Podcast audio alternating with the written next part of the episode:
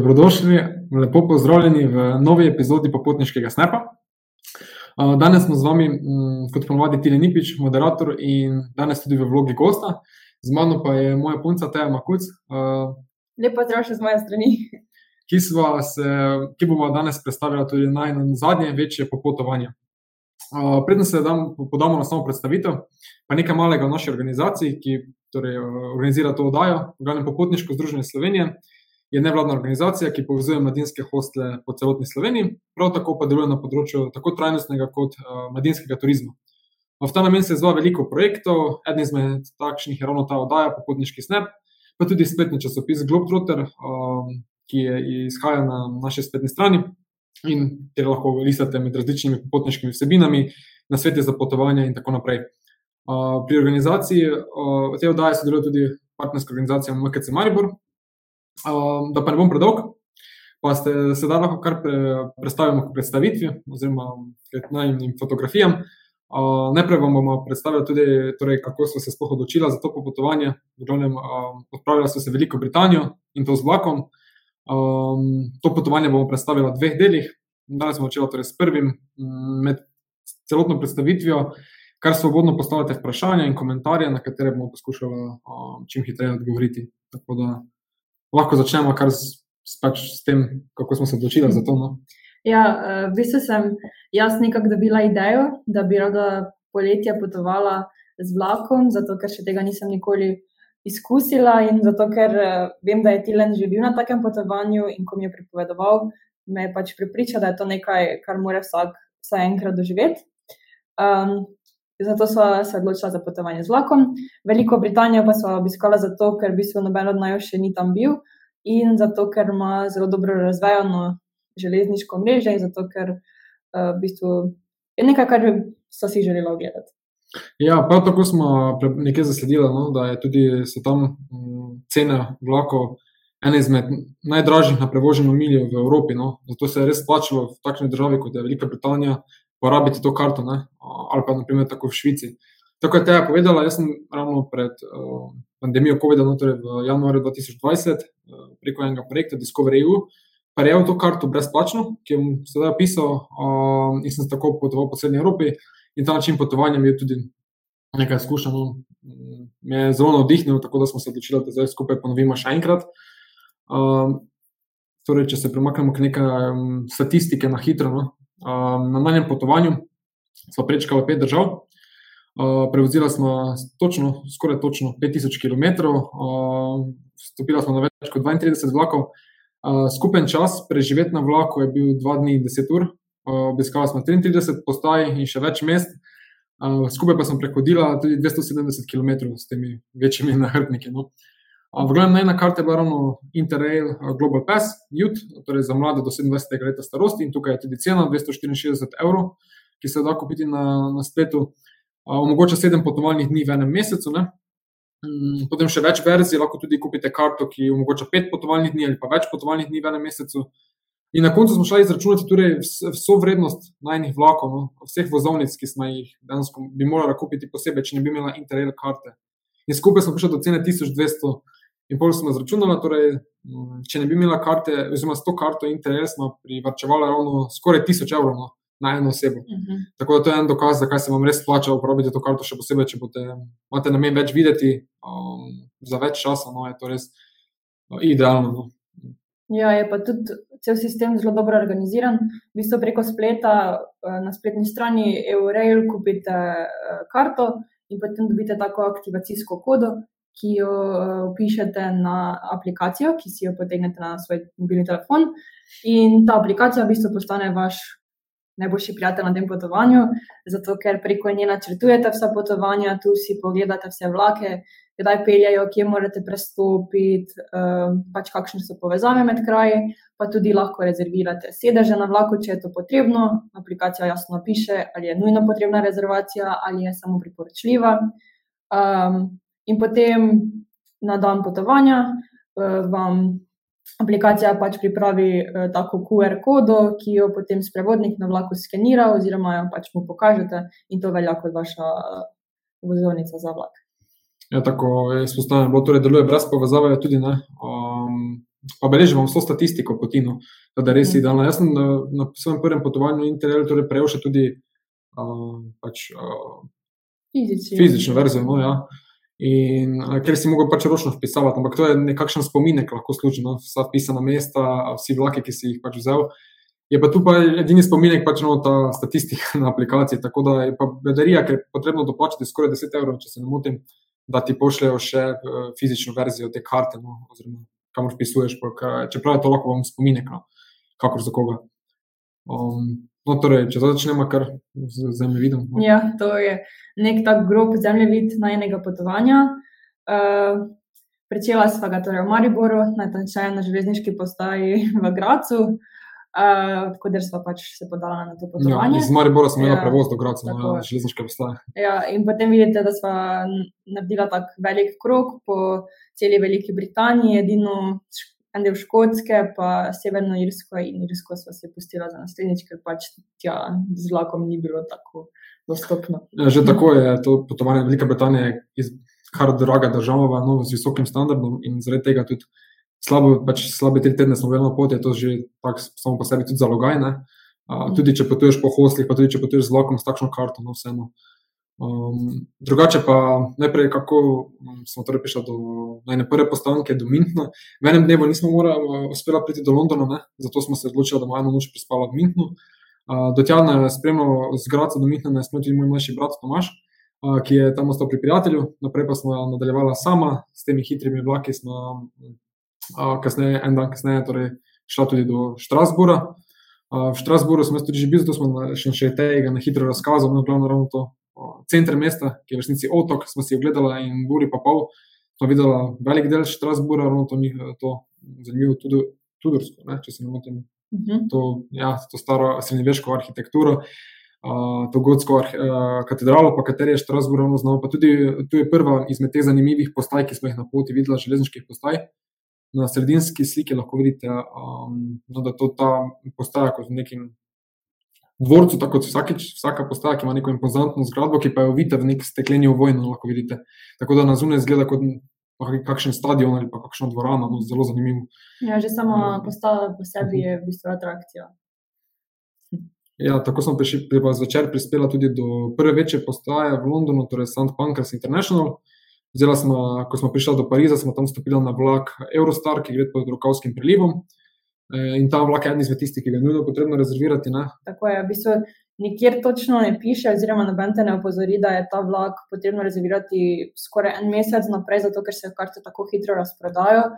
In število vozovnic za te eh, interrail potnike je omejeno, zato toplo priporočam, da predem karkoli druga rezervirate, res uh, rezervirate sedeže na tem vlaku. Mislim, da je za enega rezervacija sedeža stala 32 evrov.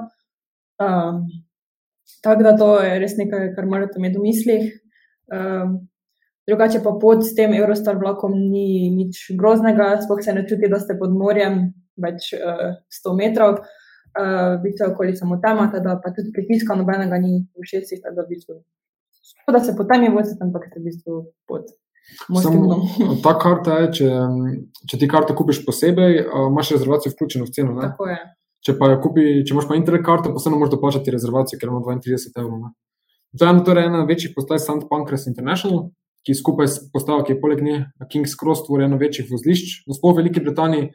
In ravno to je tudi čar tega potovanja z vlakom, ne. a, ker potuješ dobesedno od atrakcije do atrakcije, ne. vsaka železniška postaja je pač nek primerek arhitekture, nek presežek, oziroma še posebej v Nemčiji pa v Veliki Britaniji, no, so to take zanimive postaje. No, res s temi raz, različnimi ekipi, ki ponazarjajo, kako se ljudje ločijo, no, gre vsak svoj pot ali pa kako ga odloži. No, Mm, Na tej St. Pancras uh, postaja tudi hotel, pač sama postaja je hotel, pa tudi mislim, da so ne vem, nekaj stolet nazaj še pod njo v sodih shranjevali to angliško pivo in Ja, ima res Ales, ne. bo- ja, Pač, ima ja. bogato zgodovino. No, zdaj pa prve, skozi London sem poskušal premakniti dokaj hitro, no, ker je najbolj obiskan, najbolj poznan London, no, mogoče najmanj zanimivo na enem potovanju. Ampak nekaj takih atrakcij, ko so nam bile res pri srcu, no, sem, s katero smo se res vzeli čas, da jih ogledamo, je naprimer ta tunel grafiti, tunel. No. Ja, v bistvu uh, je to tak 300 metrov dolg tunel, poslikan s samimi grafiti. Nahaja se pa pod eh, železniško postajo Waterloo v središču Londona. In ta tunel je za ta namen, torej za poslikavo, odprl leta 2008 priznani britanski ulični umetnik Banksy. Um, in takrat je v tem tunelu gostil nek festival ulične umetnosti in sem povabil največja imena te industrije, ki so potem poslikala uh, ta tunel. Um, v bistvu pa dnevno prepleskajo zidove, tako da niti dva obiska nista enaka, uh, so pa res čudoviti ti grafiti in res uh, vredni ogleda. Vse, uh, dalje, poleg grafiti tunela, no, pa te ulične umetnosti, smo še tudi uh, kasneje v Londonu torej našli več grafitov, še posebej pa muralov, lahko rečemo, ne, uh -huh. uh, od Banksija. Drugače pa smo še klasične atrakcije, se gledali logično, Westminsterska palača, parlament, ne, torej uh, britanski, pa tudi Big, uh, Big Ben.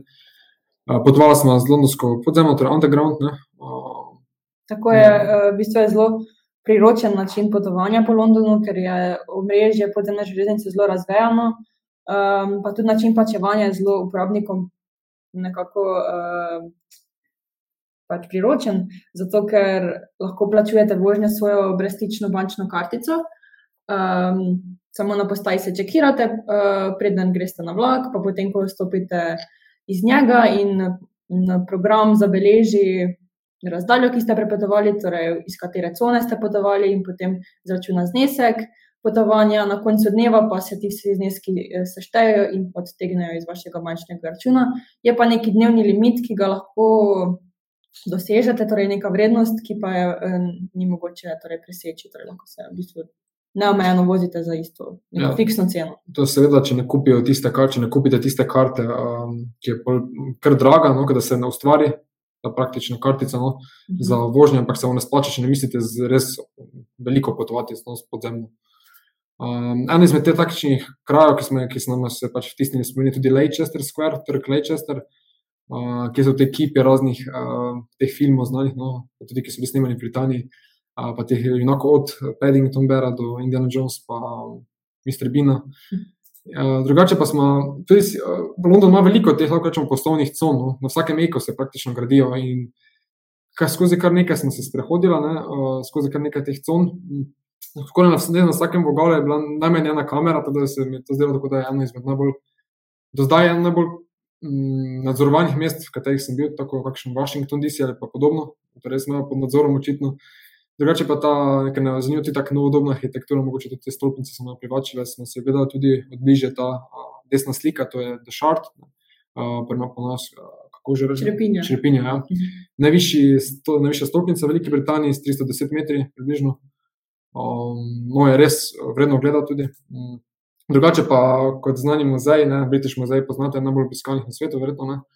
Ja, v bistvu so v Londonu ti muzeji zelo uporabnikom dostopni, ker so brezplačni, torej stopnje ni potrebno plačati. Edino, kar je priporočljivo, je, da si preko spletne strani muzeja rezervirate uro vstopa, torej da bo res vstop zagotovljen, da ne rabite stati v dolgi vrsti, uh, čeprav je vstop brezplačen. Um, ta britanski muzej je eden izmed, eno izmed največjih zbirk.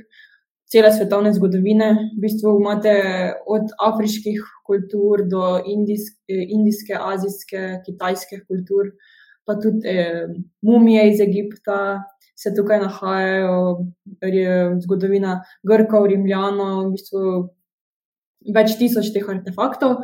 Um, tukaj na levi sliki uh, je en, ki je bil nam še posebej všeč, uh, imenuje se Tree of Life.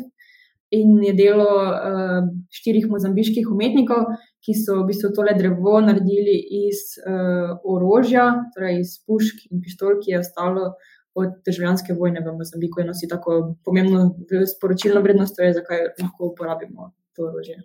Drugače pa so še tudi, um, seveda, ostali artefakti, kot ne vem, tako celovit. Um, ta uprava, no samo reska iz Japonske, pa ta, um, mislim, da se mu reče Garuda, če se ne motim, ta varuh um, v hindujski veri, pa hinduizmu no, in pa v budizmu, ko vidite na zgornji sliki, ter ta zlati varuh uh, pred zli duhovi in tako naprej, pa tudi ta motiv zmaja iz Kitajske, pač daljno-vzhodne kulture, uh, del grobnice, ki jo vidite zgoraj iz Egipta. Drugače je tu zanimivo, no, kje vse so Britanci dobili te artefakte. Sveda to ne, ne izvira na območju Britanije, to je iz širom sveta, ki so ga pač razni arheologi prenesli te um, lahko rečemo, zaklade ravno Britanijo. In je to danes zanimivo, ko je trend vračanja umetnin v države izvora. Če, bo, če bo na dolgi rok še te umetnine res ostale v tem muzeju ali se bo vrnile v svoje države. Pa tudi koliko jih je sploh na ogled. Naprimer, v Britanskem muzeju smo prebrali, da jih je okoli 6000-7000 grških del na ogled, medtem ko jih je okoli 100 tisoč v resnici shranjenih na varnem, ki je pač gledalcem nedostopno, ne? kar je tudi po eni strani. Um, ali je to pravilno ali ustrezno, to je bolj vprašanje, za kaj drugega ne za to dajo. Ampak toliko. Pa tudi te šahovske figurice so znane, no, Levis Česmen. Um, Levis Česmen. Te figurice so iz 12. stoletja, ki so odkrili na odročnem otoku na Škotskem in so iz slonovine ustvarjene. Pa prikazujejo, pač, da so že v tistem času, torej v 12. stoletju, so bile stvarjene, že v tistem času so igrali, naprimer, šah, ki je bilo to ki igra nekih elit, ne, ki je pokazal nek um, družbeni razred takrat, ne, um, so ga že tukaj igrali, no, glavnem, res zanimivo. Večina jih je tukaj v Britanskem muzeju, nekaj pa jih je tudi v Narodnem muzeju Škotske, ki smo ga tudi obiskali, bo v, kasneje prikazan. Na to pa smo zaključili z Londonom, pa smo se podali torej na jug, na eno prvo mesto izven Londona v Veliki Britaniji, to je Brighton and Hove. Ja, v bistvu, ker sem potovala avgusta in ker je to čas, ko si ponavadi zameš čas za oddih na morju, sva rekla, da moramo en dan izkoristiti, da uh, tudi mi dva greva na morje. In Brighton Hove je v bistvu eno gorsko oh. mestece v, na jugu uh, Anglije, kjer sva se tudi okopala v morju, ki je imelo prijetnih, osvežilnih 17 stopinj. Um, sicer se ne more primerjati z našim uh, danskim, ampak uh, je bilo res uh, tako zanimiva izkušnja. Je tako tipično je, letovišče, lahko rečemo za Britance, no mogoče že. Um, pa spominjam mogoče tudi na ta pier, ta Brighton Palace pier, mogoče spominjam na Santa Monica pier v Los Angelesu, ki ste ga vedno iz filmov, serije videli. Ne? A res to, ko zabaviščni park, pač na tem pomolu, a, tudi te razne prodajalne, slaščic, hitre hrane, spominko in tako naprej, ne te sladkorne pene. Uh, drugače, tukaj to je del obale Južne, Južne Velike, Velike Britanije, kjer ni klifov, no, v bližini se že nahajamo, ampak do takrat tam do tja nismo uspeli. Smo prišli do ene potke pod klifi, ampak teh velikih belih dobrskih klifov, pač glavno nismo videli na tem potovanju. Um, smo pa videli tudi veliko drugih no, um, teh atrakcij. Um, no, če gremo pa naprej, prvo smo se z Brightona vrnili v London, še eno noč prespala. In polno čaka en zelo težek dan. Mislim, tem, v tem dnevu smo skupaj obiskali štiri mesta. In smo morali, torej, iz Londona smo v enem dnevu prišli do Edinburga, s tem, da smo si gledali štiri mesta. In prvo na, na dnevnem redu je bilo univerzitetno mesto Cambridge. Ne? Mm. Tako je Cambridge, je res verjetno ena najbolj znanih univerz na svetu in mislim, da ima vse skupaj 31 različnih fakultet. Da, teh koledžev. Ja, koledžev. In te zgradbe so res nekaj posebnega. No. Tu študirati je verjetno eh, zelo dobra izkušnja. No, v teh dvorcih je, po mojem, občutek um, res drugačen. No. Um, mislim, da v neki modernih predavalnicah mogoče pa vse mhm. drugače kot pa te, ko so dvorci, ki smo tisočletno zgodovino. Kako neki gradovi, tudi kot da si v katedrali. No, tukaj levo na sliki zgoraj lahko vidite, da to ne bi bilo Newtonovo, Newtonovo drevo. Torej ne bi, tukaj to ne bi spodbujalo mit o, tem, da, o tej zgodbi, ki pač seveda je mit, no, da ne bi uh, izrekel Newtonovo um, Isaac Newton, torej na glavo padla jabolka in bi to spodbudilo teorijo gravitacije, no, da je on dejansko pač spoznal to, ne, razvil to idejo, no, ki, se, ki je dokazal. Um, Seveda, to mitno, v glavnem, so še pa večina takšnih, kako rekel, intelektualnih uh, atrakcij, tudi ta ura. Ja, posklok, ne, to, je. to je taka umetniška instalacija, je, na kateri otvoritvi je sodeloval priznani fizik Stephen Hawking, um, ko je še živel.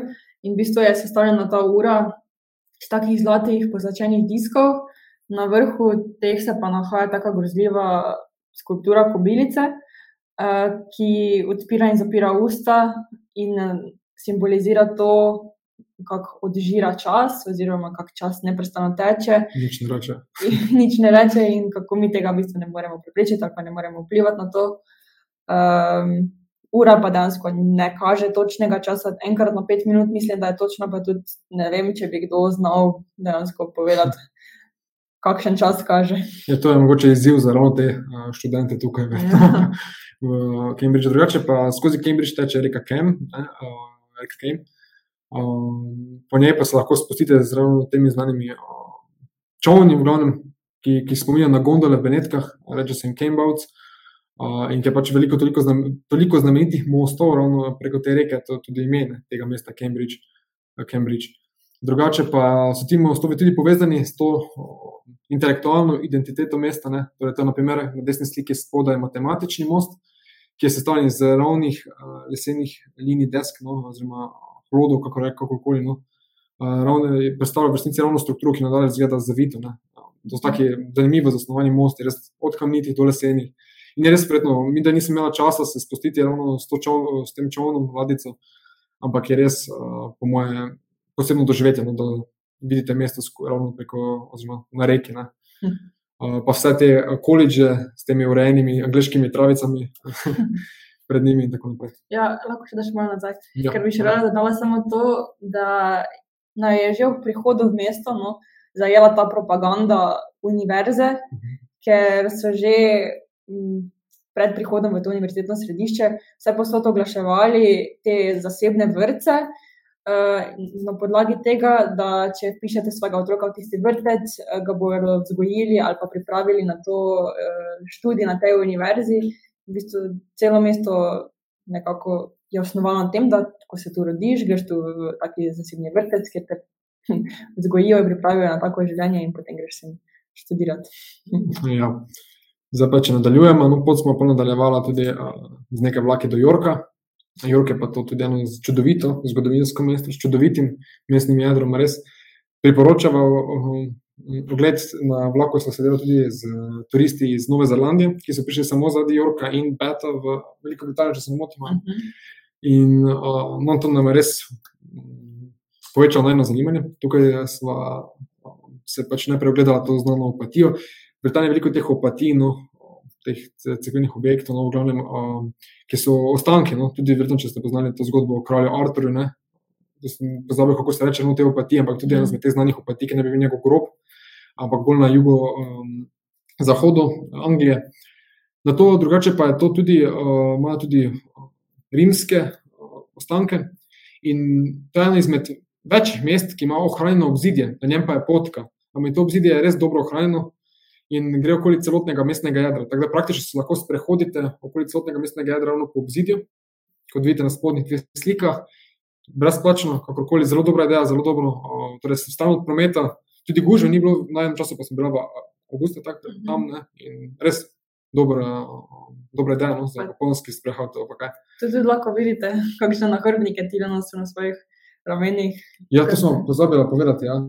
Imeli smo 75-litrski nahrbnik, pa enega 60-litrskega, mm -hmm. s katerima smo potovali in smo nosili pač v svoj dom, pa smo hrano, seveda, ki smo v Sloveniji prinesli. Torej, paštete, kruh, nutelo, in kaj smo še zelo ribe v konzervah. Ne?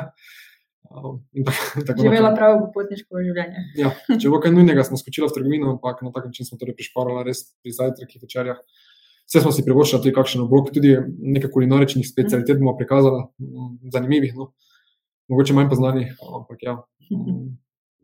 Drugače, tu nadaljujemo torej z to Jurško katedralo, ena izmed res čudovitih katedral tega dela Evrope, tudi gotska arhitektura, če vidiš ta barva tega, mislim, to paščenjak, če se motim, kakorkoli, je res tako uh, dokaj svetlo. No, gotske katedrale so tako temne, kot da so umazane, v resnici pa to mhm. spremenja, ko bo še nekaj spremenja barvo. Tukaj pa še dokaj svetlo, no, rekel bi, čisto. Sploh vidite tudi slike te tudorske arhitekture, no, teh hišic, ki spomnijo ta srednji veški čas, pa ulice, kakšne so. Tudi en mestni griž, na katerem je ena trdba, na katero pač imajo loka, lokalni prebivalci cenejši vstop, turisti pa seveda dražjega, zanimivo.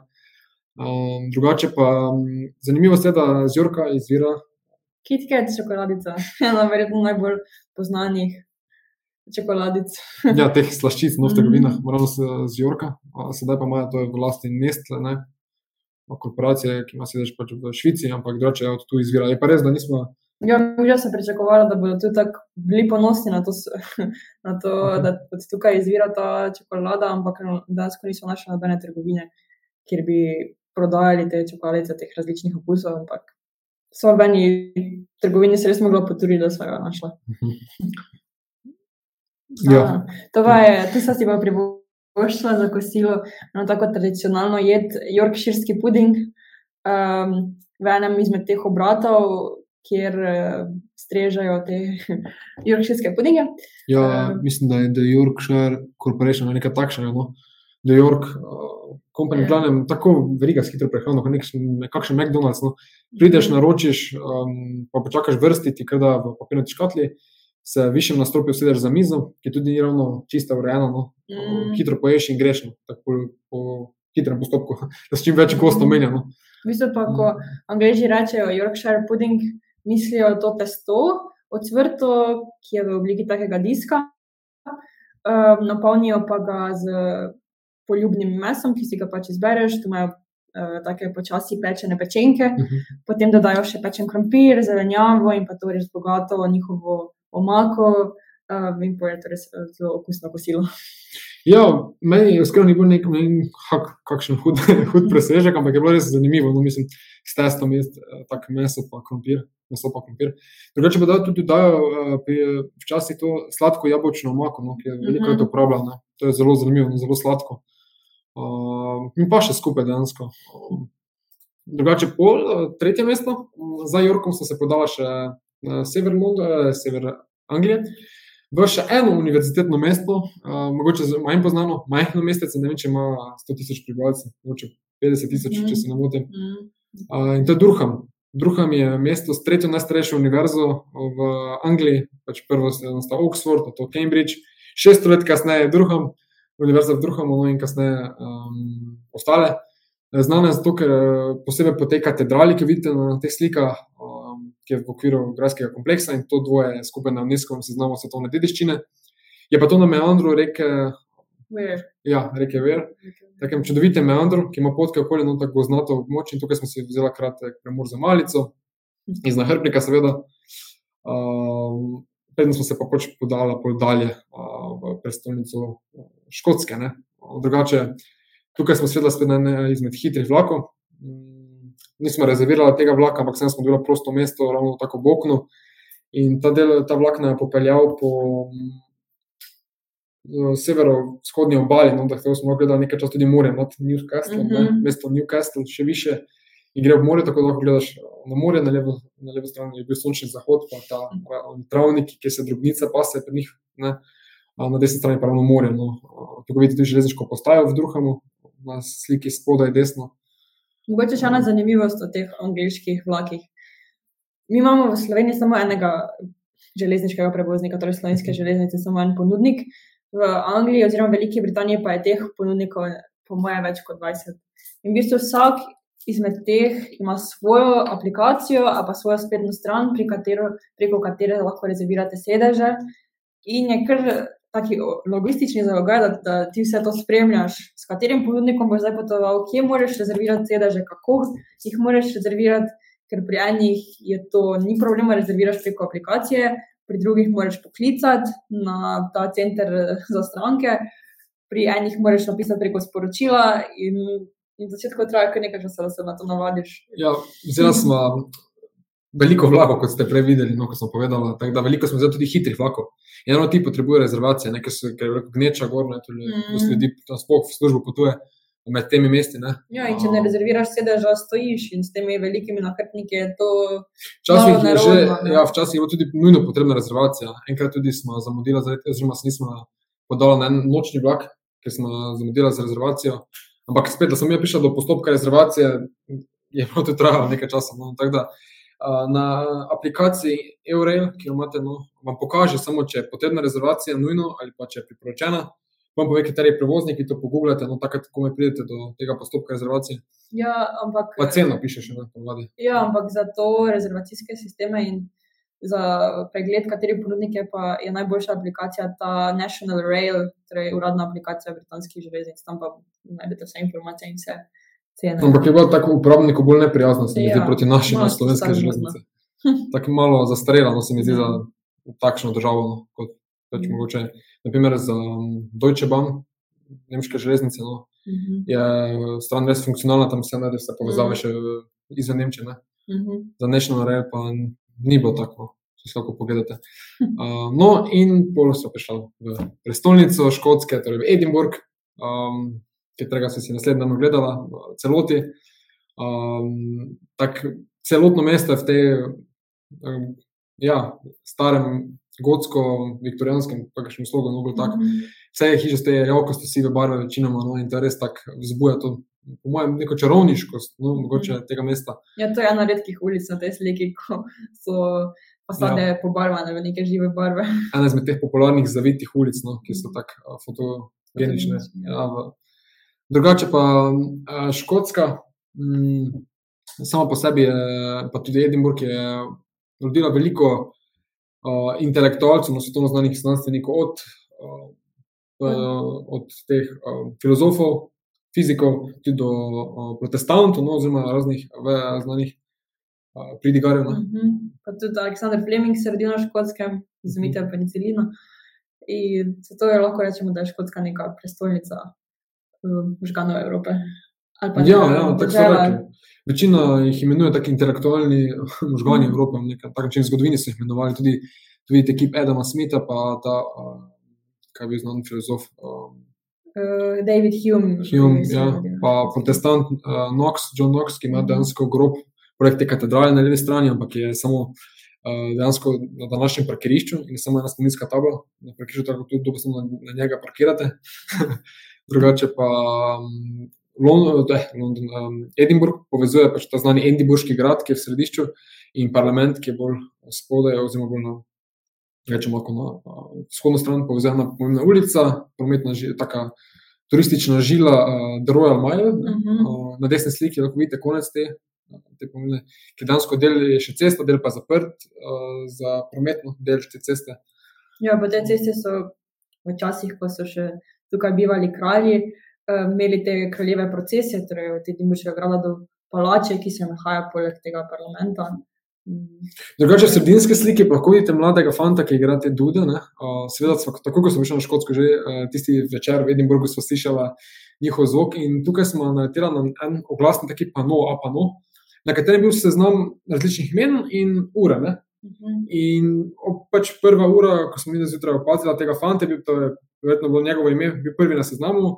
In kot neka glasbena šola, ki bi svoje učence dala um, na prakso, oziroma na igranje na ulico, in se pač na sporedu, kdo kdaj igra. Tak, res kot neka predstava, ampak za njih nek trening, neka vaja. Ne? Mm. Uh, in lahko pač spremljate res uh, te koncerte. Ni to nekdo, ki pač bi samo igral na ulici, ampak pa mogoče kakšna glasbena šola, tako smo sklepali. No? Uh, zelo. Tako da vsakeč, ko boste hodili po Edinburgu, skoraj potiče dež, kar je mm. običajno. No? Prvo minuto dež, drugo minuto sonce ali pa veter, glavnem boste vedno slišali zvoke dudno. Ja.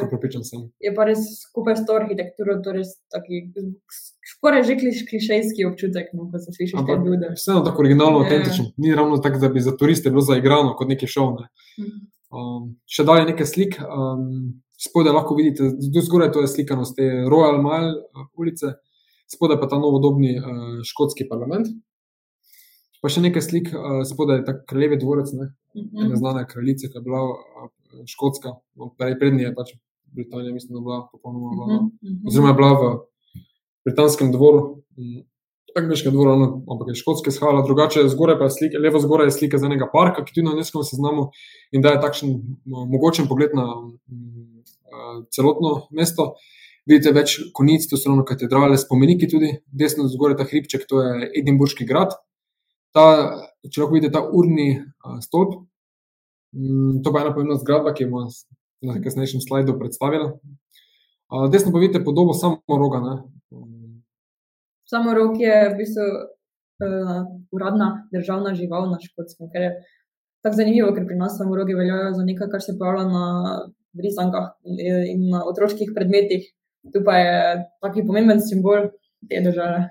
Ja, tako, kako bi rekli, ja, vreme v tom, se mi zdi, tak del njihove identitete, kulture. Tako kot so naprimer vile. Uh, celo verjamem v vile, veliko je spomenikov, uh, njim posvečenim. Oziroma, uh mhm. -huh.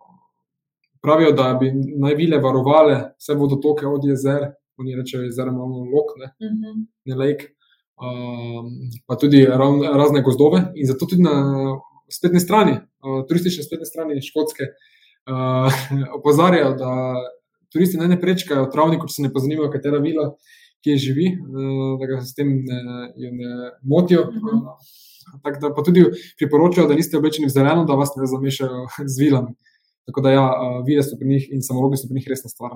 Ampak je tudi ta čar, ki po, po, po to njihovo kulturo daje, ki v raznih mm. filmih, motiv za razne filme, knjige, kakorkoli, no, te škotske legende in miti, res nekaj neverjetnega. So nekaj neverjetnega. Evo in tudi ta stavba, o kateri smo govorili. Hm, ja, na prvi pogled mogoče zgleda to kot neka tako zelo okrašena, ornamentirana stavba, je pa v resnici en zelo luksuzen hotel, uh, ki pa je včasih bil, uh, preveč prednje so to stavbo preuredili v hotel, je to bila stavba uh, železniške družbe in ta stolp za uro je kazal uh, čas za potnike in ura je še vedno. Nastavljena na tri minute naprej, torej tri minute prehiteva, zato da bi vsi potniki lahko pravočasno ujeli vlak. Uh, je pa še ena zelo pomembna zgodba povezana s tem hotelom. Sicer je v eni izmed sob tukaj uh, pisateljica J.K. Rowling dokončala zadnji del sage Harry Potter, torej Svetinje smrti, drugi del je tukaj uh, kon, uh, zaključila s pisanjem. No, in to sobo, v kateri je bivala, so oni preuredili v suito J.K. Rowling. To je postala uh, ena izmed takih pomembnih Eh, točk, romarskih točk, oboževalcev Harry Potterja, ki pa za nočitev v tej sobi res morajo šteti zelo veliko denarja, torej skoraj tisoč funtov na noč stane. Mislim, da je tudi uh, pisala, je, da je v tej sobi tudi kip, na katerega se je avtorica podpisala, ko je torej, zaključila s pisanjem. Uh, taki marmornati, uh, doprstni kip uh, Hermesa, grškega boga. Uh, to, če bi to vsi slučajno uh, rezervirali to nastanitev, to sobo, svojito. Uh, boste lahko to v vitrini si tudi ogledali. No, Drugače pa je železniška postaja ravno tam zadaj, ko na desni sliki lahko vidite ta mali ostri špic, to je spomenik enemu pisatelju, škotskemu. Tu spodaj je dejansko taka dolinica, središče mesta, ko je en park. Na začetku pa je dejansko taka železniška postaja, ta hotel se nahaja, torej glavna železniška postaja v resnici v Edinburgu. No. Zato je tudi to vlasti železniške družbe. Uh, no, to še nekaj stik z Edinburga, to je Edinburški grad, kateri, na katerega, katerega nismo obiskali. Uh, na njem je tudi bil, ravno takrat, ko smo bili v Edinburgu, nismo pričakovali, da bi tudi en pomemben festival na Edinburški. Uh -huh. uh, res je, ja, uh, mi smo vsak večer v avgustu tukaj imeli parado vojaškega orkestra, mhm. vojaki oblečeni v te škotske kilte so igrali na dude spremljali so jih na Bobnih in mislim, da 2000 gledalcev sprejme ta eh, stadion na gradu in vsako večer so pač donele ti eh, zvoki dud. Uh, in ta festival je bil že zelo pomemben uh, za to uh, državo, mislim, kraljevino. Uh, pa tudi na gradu se je odvijal takrat mednarodni Edinburški festival klasične glasbe in plesa. Pa v, v mestu je potekal še festival ulične umetnosti, tako da v bistvu so trije festivali istočasno potekali, tako da je bilo nastanitev kar zahtevno najti. Če boste sem potovali v avgustu, imejte v mislih, da bo veliko ljudi in da bodo nastanitve kar hitro pošle. Ja, pa tudi draže cene so zaradi tega, ne, smo, smo že za hoste veliko odšteli. Drugače, tukaj se ne vidi tega, tega stadiona na, na gradu. Na levi sliki zgoraj vidite Edinburški grad, in bolj desno, zato hiša tudi še tako, eh, kot dve tribuni na vsako stran, no, sta, um, je ravno ta, um, ta predviden prostor. Drugače, desno zgoraj, to pa je eno izmed teh uh, takih um, pokopališč na škotskem, no, s to travico, ki so res tako uh, zanimive, pa s to arhitekturo. V glavnem, um, oni rečejo temu. Um, Dvorišču, crkvi, menimo ne churchyard, ampak kirkyard, tako rečejo, naprimer, jezero, kot sem prepovedal, lok, ne pa je lake. Ne. In veliko je takih zanimivih no, pokopališč, ki jih je vredno obiskati. Sej, veliko ljudi pravi, da če hočeš mesto prosto poznati, oziroma videti, se moraš ravno obiskati in tržnico, in pokopališče ne, v teh krajih, da se poznaš. Tako da ta pokopališča so res uh, tudi zanimiva za ogled. No, um, uh, ja, drugače smo pa še obiskali tudi Škotski nacionalni muzej. Tukaj vidite te šahovske figure, ki smo jih prej omenjali. Uh, Desno vidite, da ta muzej je res obsežen, je brezplačen, en iz zelo obiskanih muzejev na splošno na svetu. Drugače pa vse od industrijskih dosežkov do um, zgodovinskih artefaktov, do raznih zakladov, majhnih muzejev, tudi uh, poleg vse industrije, vse gospodarskih panog, imajo tudi turizem in potovanja kot posebej del. Imajo tudi opisano razne, veliko opisov in zgodb o tem, kar je zanimivo. No? Na škotskem je turizem tudi drugače pojmovan. Vsa dela v turizmu so bolj cenjena, mogoče. No? Tudi turistični vodniki so veljali za neke strokovnjake. Ne?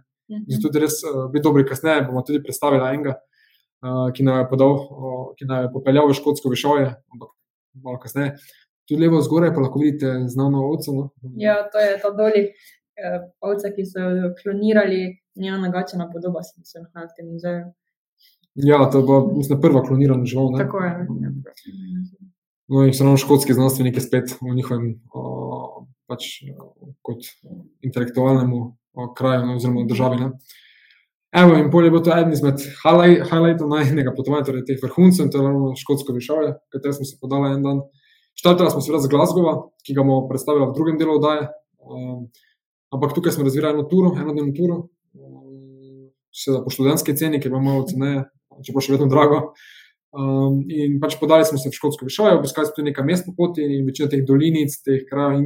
Vreme je bilo ravno perfektno. No, mislim, tipično angliško, britansko vreme, torej eno minuto je dež, naslednjo minuto je že uh, sončni žarki, prodirajo skozi meglo, polje, spet veter, meglo, pa spet dež in tako naprej. In to je ravno to magičnost. Ne? No, vse meni je bilo to zelo všeč, um, zelo me je impresionirala ta pokrajina, če, če svet pač trofiš. Hm. Ravno v pravem vremenu, tudi ja. nekaj slik. Smo pa šli s takim minibusom, uh, mislim, da je bilo 16 ali nekaj takega. Uh, ja, samo male skupine jemljajo ja. skupaj. Vodil pa nas je, oziroma vozil, in hkrati vodil nas pa je en po mojem, najbolj tipičen škot. Bil je oblečen v ta kilt, karira se do kolenke, na glavi je imel tako zavljeno baretko. Um, govoril je o najbolj močnem škotskem naglasu, da ga prvo nismo nič razumeli. Če na to, se je čez nekaj časa navadilo. Jaz se ne morem reči, da je govoril zanimive informacije. Tudi, vem, kje, ker je film snemali na škotskem, tu so snemali mnogo filmov in mnogo še vedno bodo, ne, ravno zaradi pokrajine, pa teh mest. No, to je bilo zanimivo, da Ali je govoril res te zanimive informacije, ne, ne te dolgočasnih zgodovinskih, toliko, ali ga pa pač nismo razumeli. Mm -hmm. toliko, ja, o teh klanih je pripovedal in teh ja. bitkah za ozemlje. Pa vmes, ko pa pač ni govoril, ko smo se samo vozili, pa predvajal te tradicionalne škotske pesmi ali pa pesmi, ki jih oni uh, poslušajo ob nekih praznikih in praznovanjih, in te so tudi nekako povečale ta čarov. Uh, Bila smo ob tudi največjem loku, največjem leku, to je Lok Lomond, uh mhm. -huh. ker je tudi ena znana muzika, ena znana skladba glasba. No, pravi, pardon, ena, um, se pa ne spomnim slova. Glavnem, je bila tako prav po eni legendi od tega enega klana, je bila prav eh, besedilno no, potem narejena no, in muzika je zelo zaslovela. Da, um, če koga zanima, lahko kasneje posebej naslov. Ampak obiskali so tudi kraj, ki mu rečejo, no, ta naj vodnik mu je rekel Inverere. Ta kraj Inverera, ta majhna ribiška vasica, znana seveda po svoji graščini. To je en izmed najpomembnejših klanov na škotskem bivanju, no? vodstvo tega klana, mislim, da je bil Campbell. Ja, ampak tukaj v tem gradu ima rezidenco neki vojvoda. Ja, danes, no, ampak ja. mislim, da je bilo takrat to, oni so to postavili, ta grad. No. Drugače, tu pa še več slik te, bolj te bolj vasice, kot mestece. Ne. Uh, je pa večina, skoraj vsi uh, te loki, so slano vode, slad, slani, uh mhm. -huh. malo, malo število jih je sladkovodnih. Ja, samo dva. Ja, ker večina jih je ravno nekih pomorskih zalivov, oziroma so povezani z morjem, uh -huh. z polskih uh otokih. Drugo mestece, ki smo ga obiskali, pa je bilo bolj tak, tipično ribiško mestece, eno izmed večjih nasploh v škotskem mišaju, drugače Oben. Uh, ker smo imeli več časa tudi za kosilo, in tukaj smo si pa privoščili, naravno, to najbolj tradicionalno jed, oziroma kar je večina Britancev najbolj pogosto, torej fish and chips, ne, riba in cvet krompirček. In tukaj je v centru zelo veliko znanih uh, teh obratov, uh, te hrane, ki ponujajo samo tono. In en obrat je bil tudi izbran se strani revije National Geographic, za mislim, da najboljše tudi uh mhm. -huh. na svetu, če se ne motim. Mi smo pošli v tistega, ki je bil izbran za najboljšega v Veliki Britaniji, se strani uh, Gordona Remzija, znanega šefa. In rekel sem, Noris, in tukaj smo si privoščili, torej, tudi krompirček in ribo, in tudi uh, ostale morske sadeže. ja, morske sadeže. Ja, pila so pa tako pijačo, ki je videti čisto levo na sliki Iron Brew. To je taka sladka gazirana pijača, ki je na drugem mestu po zaužitju za viskije na škotskem. Ja, naj vodnik nam je ravno priporočil, da naj to poskusijo. Druga narodna pijača no, za škotske. Žal, uh, ja, škotske viskije nismo uspeli obiskati dobene te destilarne, oziroma -hmm. te proizvodnje. No. Ja, je pa v oba, ravno v tem mestu, ena tako velika destilarna in mesto je zraslo okoli te. Te, pri njih samo viski, pa gospodarske, pomembno, no, gospodarske panoge imajo koliko več kot 200 takih obratov, ko proizvajajo viski. Ne. In ga raz, pač, distribuirajo po celem svetu. Uh -huh. uh, no, to pa je še drugi del škotskega višavja, ki smo ga obiskali. Torej, uh, mislim, da bo to dolinica Glenkov. Uh -huh. To je tudi um, znano po enem hudem masakru v zgodovini, ko so pripadniki angliške vojske pobili vse člane tega klana.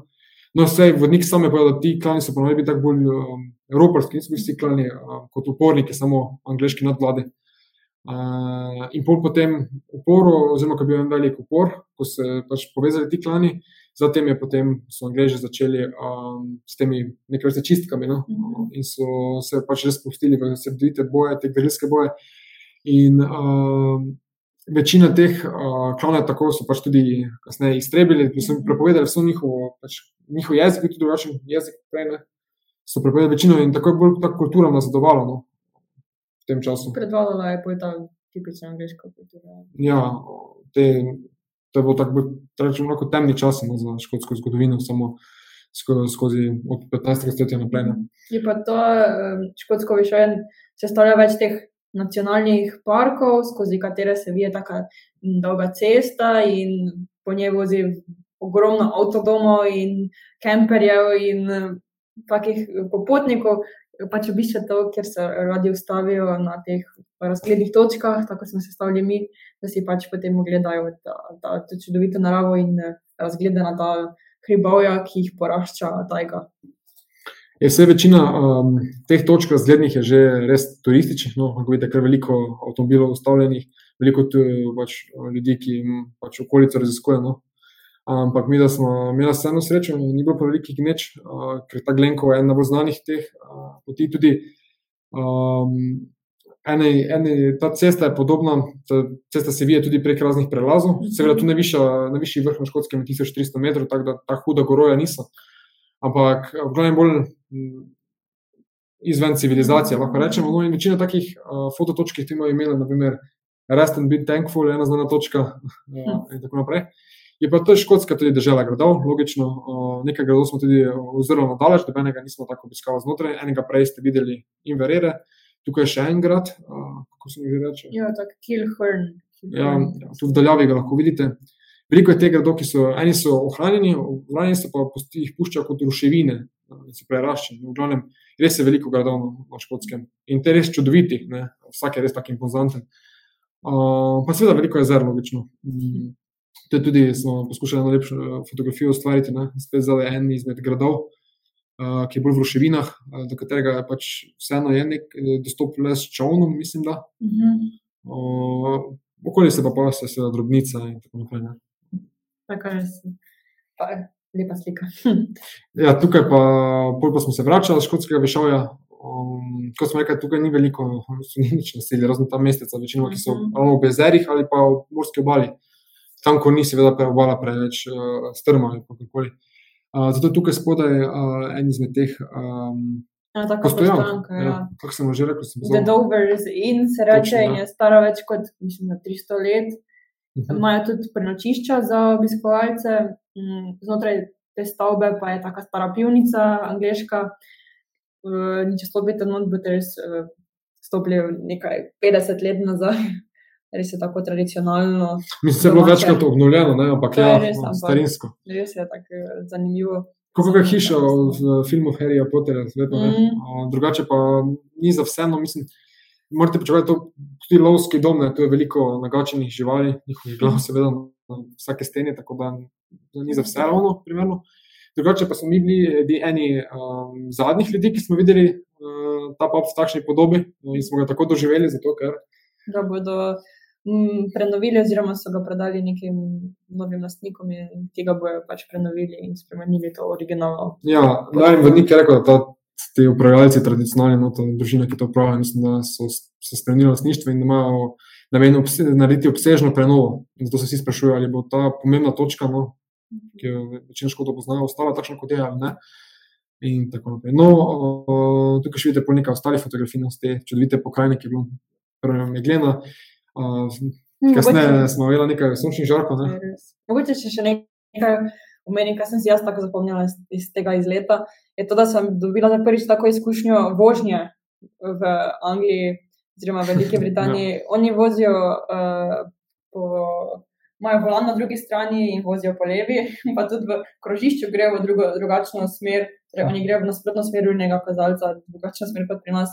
Pa tudi prehitevajo po, v bistvu po notranjem pasu, po desni strani prehitevajo. In to je bilo čist neki Ja. mini kulturni šok za njo. Treba seveda se navaditi na takšne stvari, drugače pa tudi pri semaforjih kot pešec je malo teže, ko gledaš. Vedno moraš pogledati v obe smeri, ampak vseeno malo si navajen prečkati cesto na hitro, še vsebej v mestih. In ko je Ja. avto po drugi, v Ja, drugi, drugi strani. pričakuješ, da bo avto pripeljal iz tvoje leve, ne pri- pripelje pa. Oziroma, obratno, mislim, zdaj sem levo, v glavnem. Ja, v glavnem, že zdaj smo zakomplicirali.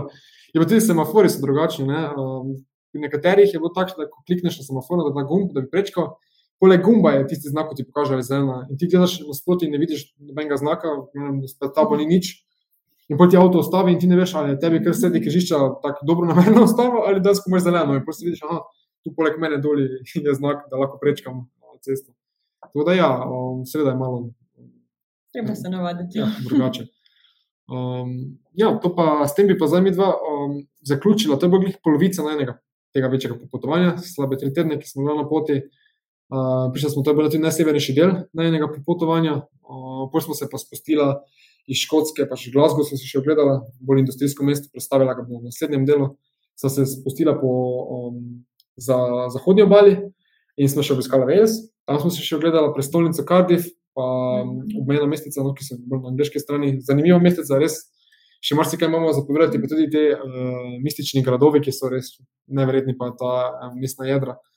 Um, Teda, prosim, ne, uh, vabljeni vsi k poslušanju še drugega dela, ker imamo še na zalogi mnogo takih lepih fotografij, kot ste jih videli danes. ja, bomo predstavili tudi glavno mesto, ne, kot so Liverpool, Manchester, ko pač niso tako, ena Manchester ni tako turističen, mogoče bolj tak, ampak tudi takšna manjša, manjša eh, skrita mestica, ne, kot so Chester in tako naprej. Uh, no, drugače, to je to danes z najne strani. Zahvaljujemo se vam za, se vam za uh, pozornost, da ste bili danes z nami, da ste nas Mhm. poslušali. Če koga še kak, karkoli zanima, lahko prosto kontaktira uh, naj na kontakta, uh, ki se boste prikazali spodaj. Drugače pa mislim, da smo še dobili eno vprašanje, če se ne motim, uh, na katerega lahko zdaj uh, odgovorimo. Torej, Anja zanima, Kateri je najlepši spomin, ki ste ga odnesli z tega potovanja, in kaj svetujete ostalim parom, ki se odločijo za skupno potovanje, sploh če je njihovo prvo? Imate kakšen praktičen svet? Za najlepši spomin, upam, da bomo istega. Ja, mislim, da je ravno ta izvedno škotsko višavje bil ta najlepši spomin. Ja, mislim, da tudi to bo tako, da tudi zaradi tega vodnika, ki je znal prečarati, to mislim, da res Mhm. strokovno vodenje, lahko rečem, ampak prav ta čar kulture, no, mislim, da je bil tak uh, energičen voznik, pravi škot. Pa nam je res, da je tiste informacije zanimive, ne preveč, pusti nam je dovolj uh, teh uh, prostega časa, peljano se ravno po takih kotičkih, stran od turistov. Uh, res, mogoče pa tudi, ker nisem nikoli še bil na škotskem, ne, je res taka država Mhm. vredno gleda. Tako je hecno, ker do zdaj smo samo to videli v filmih, pa nekih uh, serijah in si nisem znala predstavljati, da je danes res točno tako kot tam prikazano, da Ja. ja. ti, ti doživiš v živo. Ja, drugače pa najbolj so bili tudi tisti dnevi, ko nismo, na primer, spali. In bil kjer dan, ko smo celo noč preživeli v mestu, zato da ne bi pač plačevali nastanitve. Ker na eni strani ne vem, če bi vam svetovala. Ja, malo je naporno, je pa tudi, če seveda, če piha, tam je zna biti zelo mrzlo poleti, seveda, bolje toplo oblečeni, tudi če je avgust, če je vročinski val, imejte jakno za a seveda vetrovko. Mi, da sem bil noč v dolgih oblačilih, in če bi en dan, ko sem bil v kratkih, Ja, to je vse. To je seveda praktičen svet za Veliko Britanijo. Vsem parom, ki bi se pa podali na to, uh, svetujemo tudi, da lahko takšno potovanje no, z vlakom tudi romantično potovanje. Ne? Oziroma, nek, ne rabi biti le oddih na morju, lahko tudi takšna, tudi popotniška izkušnja, bolj taka vzdržljivost, da pre- preizkušamo, da se mogoče preizkusite v tem, je res priporočamo, ker pol dlje to ostane spomin, oziroma res nekaj neverjetnega. No? ta. Mm, pa res, da skupaj se deluje, ta, da se res vsem odločata skupaj, no in če enemu ni fajn, mogoče da res eh, potem ne silita, če ni treba, pa tudi, da se zavedate pač. Da, če boste sodelovali, pa če boste se dobro razumeli, da bo to potovanje. Ja, se treba zanesti na drugo drugega. Pa če res, pa še za mlade je ugodno, še, posebej zaradi te youth karte, pa tudi zaradi hostlov, ne, seveda. treba izkoristiti hostel. To je ravno, ko zbivaš z 12 popotniki v sobi, ravno to je ta čar. In Mhm. ravno uh, popotniško združenje je član Mednarodne zveze Hosteling International. No, tukaj, če ste dobili tudi razne, razne popuste, ne, kot prostovoljni novinarji, recimo za, um, za popotniško združenje, no, torej se splača res potovati s hosteljem. Kak- Potovanje je dejansko ugodno, tako da um, priporočam. Ja, ampak rezervirate dovolj hitro, zato ker sem mi dva rezervirala, so vsi ti uh, youth hosteli že bili razprodani, tako da sem mogla Ja. iskati neke alternative. Večinoma. No, se to smo en mesec prej začela s planiranjem, ampak hvala Bogu smo ta Eurostar vlak dobila. Tako da, ja, to je to z najne strani, se vidimo v drugem delu. Hvala, da ste bili z nami še enkrat uh, in lepo bodite. Naslednjič pa veliko potujte, tudi z vlakom, bolj trajnostno potovanje, seveda. In um, nič, bom vojaš z najne strani.